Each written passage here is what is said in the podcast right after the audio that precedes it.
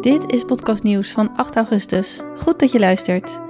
Met vandaag een opsomming van wat nieuwswaardige podcastfeiten. Het is namelijk vakantie en onder andere mijn co-host heeft vakantie. Ik uh, wilde je niet van het nieuws podcastnieuws, het nieuwste podcast nieuws, yes, onthouden. En dus heb ik toch een aantal nieuwswaardige feiten voor je op een rij gezet. De eerste is dat TikTok podcasts test. Een aantal podcasters heeft een uitnodiging gekregen van, via TikTok, een melding over dat ze hun podcast kunnen koppelen aan TikTok. Het is hetzelfde idee als dat YouTube nu aan het onderzoeken is. Je laat de RSS-feed in, maar vervolgens wordt die vanaf TikTok gedraaid. Je kunt dus niet dan vervolgens de downloads zien in je hosting. Maar goed, dat terzijde. Je laat die RSS-feed in. Je kunt een episode aan een bepaalde TikTok-video linken, waar vervolgens bij die video een banner komt met luister hier naar de podcast. Het interessante daaraan is, wat natuurlijk al tof is, maar het interessante daaraan is, is op het moment dat je op de banner klikt, dat die in TikTok dus afspeelt. TikTok haalt de podcast binnen en speelt hem af vanaf hun eigen servers. Dat betekent dat de luisteraar, die dus van kijker, videokijker naar luisteraar converteert, dat die niet van het TikTok-platform af hoeft. Het ideaalste zou zijn, en het is redelijk cruciaal voor een beetje een overzichtelijk podcast-statistieken gebeuren, is als TikTok de RSS-feed zo gebruikt zoals die bedoeld is, zodat elke keer als iemand een download heeft vanuit een video, dus vanuit de video klikt iemand door naar ik wil de hele podcast luisteren, dat die ook geregistreerd wordt vanaf het hostingplatform, of dat die gehaald wordt vanaf het hostingplatform, zodat jij ook echt in je statistieken een download per luisteraar kunt registreren. Uiteindelijk hangt het allemaal af van luisteraars. En wat ik wel heel cool vind, is dat de TikTok-podcast-luisteraar. dat die podcasts kan luisteren met screen gelokt. Dus het is echt de podcast experience die ze op dat moment krijgen. Degene die er last van hebben zijn eigenlijk wij, de podcasters, omdat aan de achterkant dus niet goed geregistreerd wordt op één plek hoeveel downloads er zijn. Dat kun je ongetwijfeld vast uit je TikTok Analytics halen. Maar ja, op een gegeven moment hebben we YouTube Analytics, Spotify Analytics, Apple Analytics, TikTok Analytics en onze eigen analytics nog van de podcast host. Het wordt wat onoverzichtelijk. Dat helpt de industrie ook niet vooruit. Dus mijn hoop bij deze is dat TikTok volledig gebruik gaat maken van de RSS-werking of de werking van de RSS-feed. Maar dit zijn vet interessante ontwikkelingen. In de show notes zie je een linkje naar een Twitter-account waar je wat voorbeelden ziet van de uitnodiging die TikTok aan podcasters doet en hoe het er dan uitziet in een TikTok-video. Van TikTok naar Instagram. Je hebt tegenwoordig een podcast cover art account op Instagram. Dat zijn er wel meer hoor, maar deze kwam onder mijn aandacht. Mocht je inspiratie zoeken voor cover art, is het leuk om een aantal van die accounts eventjes te checken uh, te bekijken. En bij podcast laagstreepje cover laagstreepje art op Instagram kun je ook je eigen cover art inzenden, zodat ze daar een post van kunnen maken. Heel cool. Natuurlijk gaan we ook even naar YouTube. Ik wilde eventjes een inzicht met jullie delen waarom je verschillende YouTube-accounts zou aanmaken voor één podcast. Dat heeft te maken met het algoritme van YouTube, dat je dan op die manier het beste naar je hand kunt zetten. Op een gegeven moment heeft YouTube een beetje in de gaten wat voor type video's jij op, op een account, op een kanaal plaatst. Bijvoorbeeld jouw podcastafleveringen die altijd ongeveer een uur duren. Het algoritme brengt dus ook mensen die normaal gesproken video's aanklikken die ongeveer een uur duren naar jouw kanaal. Het algoritme snapt jouw kanaal. En als je dan vervolgens denkt, joh, weet je, ik ga ook clips inzetten. Clips zijn ja, stukjes van 5 tot 10, 12, misschien 18, 20 minuten. In ieder geval, een clip is een stuk uit de podcastaflevering waarin je op één specifiek onderwerp inzoomt. Dus waarin je bijvoorbeeld één specifieke vraag beantwoordt, of waarin het uh, over een subthema gaat van je aflevering. Super waardevol en ook voor de vindbaarheid zijn clips heel erg fijn. Maar als jij clips tussen de normale afleveringen gaat stoppen op je YouTube-kanaal dan snapt YouTube jouw kanaal niet meer. En dan ja, weten ze ook niet, zeg maar, weet het algoritme, blijft een computer, blijft een machine, weet het, weet het algoritme ook niet wat ze aan je kanaal hebben. Hè? Nu, je deed altijd podcastafleveringen of YouTube-video's van een uur. En nu zitten er ineens dingen van 10 minuten tussen, van 12 minuten. Wat is het voor iets geks? I don't know, ik stel je niet meer voor, want voor jou 20.000 anderen. Daarom kan het dus interessant zijn om je clips los te trekken en daar een apart kanaal voor aan te maken.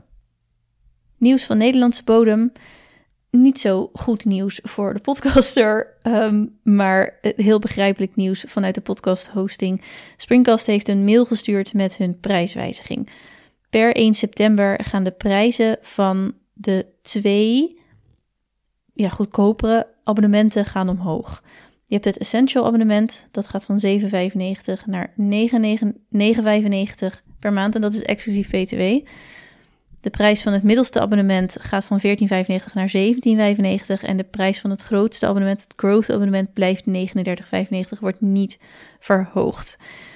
Daarbij is ook nog de is het mogelijk dat je een legacy abonnement hebt. En ik heb dat bijvoorbeeld op een van mijn podcasts. Ik heb ooit het Essential abonnement afgenomen voor 4,95. Dat is bij de vorige prijsverhoging niet meegegaan naar 7,95. Waarvoor dank.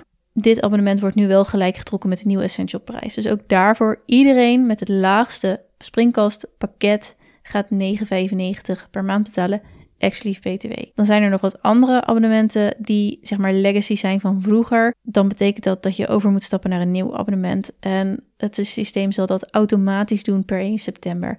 Heb je deze mail niet gehad, maar ben je wel klant bij Springcast, dan zit hij misschien in je spam. Ik raad je aan om als een van de dingen voor jou vragen oproept, om eventjes contact op te nemen met de support van Springcast, zodat ze je verder kunnen helpen. De reden, uh, de mail is ook uit naam van de CEO van Springcast, gestuurd van Nico Oud. De reden is dat dingen gewoon duurder zijn geworden. Springcast heeft vanaf het begin een aantal keuzes gemaakt die misschien niet de allergoedkoopste keuzes zijn, maar die wel op een bepaalde visie en kernwaarden richten en wat ook hen onderscheidt van andere podcast hosting in deze markt. Onder andere dat er geen grote Amerikaanse servers worden gebruikt, maar dichter bij huis en dat je als je support ja, mailt of contact opneemt, dat je gewoon een persoon te spreken krijgt. Uh, het leven is duurder geworden, ook voor podcast hostingbedrijven blijkbaar. Dan iets wat in Amerika veel meer speelt, of in de Engelstalige podcastwereld, moet ik eigenlijk zeggen. Dit, heeft zijn, dit vindt zijn oorsprong in het advertentiemodel. In Engelstalige podcasts zijn advertentiemodellen al veel verder gevorderd. En ja, uiteindelijk loop je daar dus ook tegen, de, tegen, tegen problemen aan, die, uh, of uitdagingen die opgelost mogen worden. Zo is er de brand suitability. De brand suitability gaat erom dat je als merk best wel je advertenties wijd verspreid onder podcasts wilt, uh, onder, uh, wilt verspreiden. Dus dat jouw advertentie bij een categorie podcast wordt afgedraaid, omdat je daarmee je doelgroep bereikt. Toch kan het zo zijn dat er een aantal type podcasts niet goed bij jouw brand passen. Hè, dan gaat het over brand suitability. Suitability is passendheid. Hè, suits. It suits you or it doesn't suit you. Het past je of het past je niet. En je wil dat je merk natuurlijk wel bij passende podcasts, maar ook persoonlijkheden wordt geplaatst. Als het bijvoorbeeld simpelweg niet bij je, de cultuur van je bedrijf en de uitstraling in, van je merk past, dat er scheldwoorden worden gebruikt in een podcast of dat er wat explicieter wordt gepraat, laat ik het zo zeggen. Iemand hoeft niet gelijk de grofste scheldwoorden te gebruiken, maar weet je, eh, wijze van spreken zou iemand kunnen zeggen fuck of Jezus of wat dan ook. En daar wil je wellicht als een bepaald merk niet mee geassocieerd worden. Voelt niet fijn, past niet bij je brand. En daardoor kun je bepaalde uh, tools over, eroverheen laten draaien, dat je brand suitability gewaarborgd is. Dit zijn tools die met computers werken, die met AI werken, waarvoor je kan zeggen: ik wil gewoon niet dat mijn advertentie bij een podcast wordt gezet waarin fuck wordt gezegd. Nou, dat is een redelijk herkenbaar woord. De tool doet zijn werk en die zegt, nou, die en die en die en die sluit ik uit. En in de andere podcasts in deze categorie kan deze advertentie gewoon gedraaid worden. Klinkt mooi, maar blijkt nu in de praktijk voor problemen te zorgen. Niet alleen omdat AI ook maar AI is. Uh, het is een computer. Het blijft computerwerk. Een van de bevindingen, nu dit zo een tijdje gaande is, is dat bijvoorbeeld black-owned podcasts, dus podcast gemaakt door zwarte presentatoren, dat die minder gemonetized worden.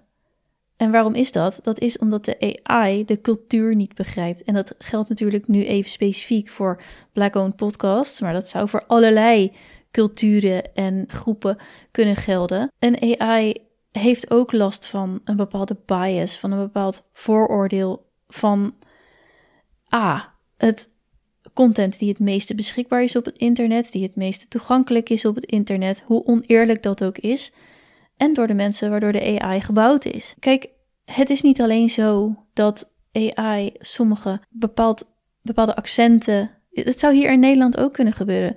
Een Nederlandse AI-tool zou die een Friese podcast. Nou, dat is wel heel heftig. Maar kijk, ik spreek redelijk ABN, hè, om het zomaar even te zeggen.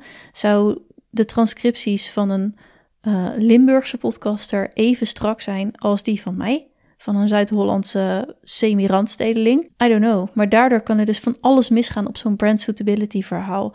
Waar mijn transcripties misschien 95% accuraat zijn, zijn die van iemand uit een ander deel van het land misschien maar 75% accuraat, waardoor het al veel sneller het misverstand kan ontstaan dat er een scheldwoord gebruikt wordt of een bepaald woord dat iemand uitsluit. Dit gebeurt natuurlijk ook in andere talen en dit zie je nu op grotere schaal gebeuren in het Engelstalige podcastgebied. Aan de ene kant denk ik, fijn dat het nu meteen naar boven komt. Aan de andere kant denk ik, please, doe er wat aan. Want dit is, dit soort dingen, het kan diversiteit inclusie maken of breken. Zo zie je dat maar weer. Dus het kan het breken door geen aandacht te hebben om AI te leren dat ook woorden net iets anders uitgesproken kunnen worden dan, ik weet niet hoe ABN heet in het, in het Engels, maar dan super exact correct. En wat is correct hè? Maar voor de sake of the argument, uh, Engels. Uh, maar ook woorden als, uh, een heel simpel voorbeeld werd er genoemd, bomb, dus, dus bom. Uh, is gewoon cool. Dat, dat, dat wordt niet bedoeld een explosief, want dat wordt gebruikt om iets tofs aan te duiden, waardoor het meteen zijn ernstige lading verliest. Maar ja, op het moment dat iemand als stopwoordje, als, uh, of het woord bam gebruikt als, als om iets tofs aan te duiden, wordt zo'n podcast dus ja, direct, je zou het in YouTube-termen gedemonetized noemen. En dat maakt het er allemaal niet inclusiever en uh, beter op wat mij betreft veel aandacht voor. En ook als dit in het Nederlandstalige gebied begint te spelen, uh, ik hoop dat dan al die kinderziektes er al uit zijn. En dat het beter geregeld is. Of dat we daarop beter kunnen inspelen. Dat de mensen die hier tools voor gaan bouwen, daar ook aandacht voor hebben.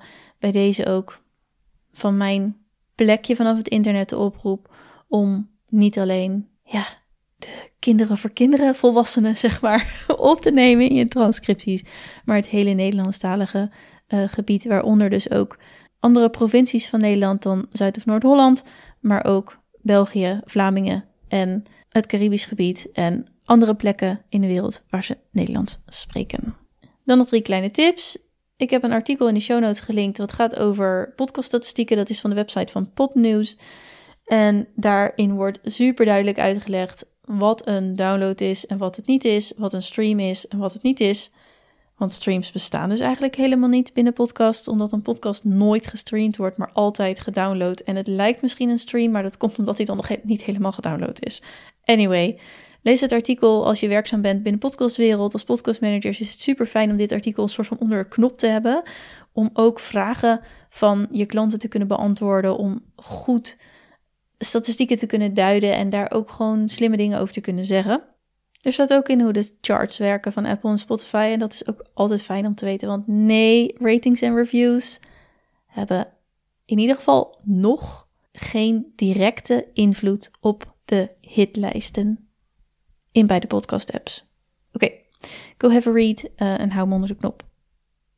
Er is een markt voor kinderpodcasts. Echt, als je een kinderpodcast wil maken, ga je gang, be my guest. Het is een fantastisch fantastische doelgroep voor podcast. Natuurlijk omdat in al die copies nog zoveel leergierigheid zit en ruimte voor verhalen en de fantasie van kinderen is nog zo, zo goed en puur en groot.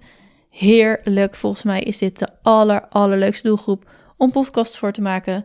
Niks ten nadele van jou, luisteraar. Want de podcast professional is zeg maar daarna de allerleukste groep om podcasts voor te maken. Maar er is markt voor. Er is door Edison Research in het Amerikaanse taalgebied, I know, een onderzoek gedaan. Hartstikke leuk om de resultaten daarvan te lezen. En als jij al een kinderpodcast wilde gaan maken, dan denk ik dat je hier super fijne informatie vindt en inspiratie om het nog beter aan te pakken dan dat je al van plan was. Laatste kleine leukigheidje. Je kunt nu een test doen. Welke podcastpersoonlijkheid ben jij? Op start.podscore.io, linkje in de show notes, kun je kijken welke van de 12 fantastische podcastpersoonlijkheden jij hebt. Ben jij misschien de purpose-driven podcaster, de tactical talker, de workflow wonderkind, wonderkind, wonderkind? Hm of de Collaboration Champion. Nou, hartstikke leuk om de quiz te nemen en misschien eens te bespreken in je eigen podcast.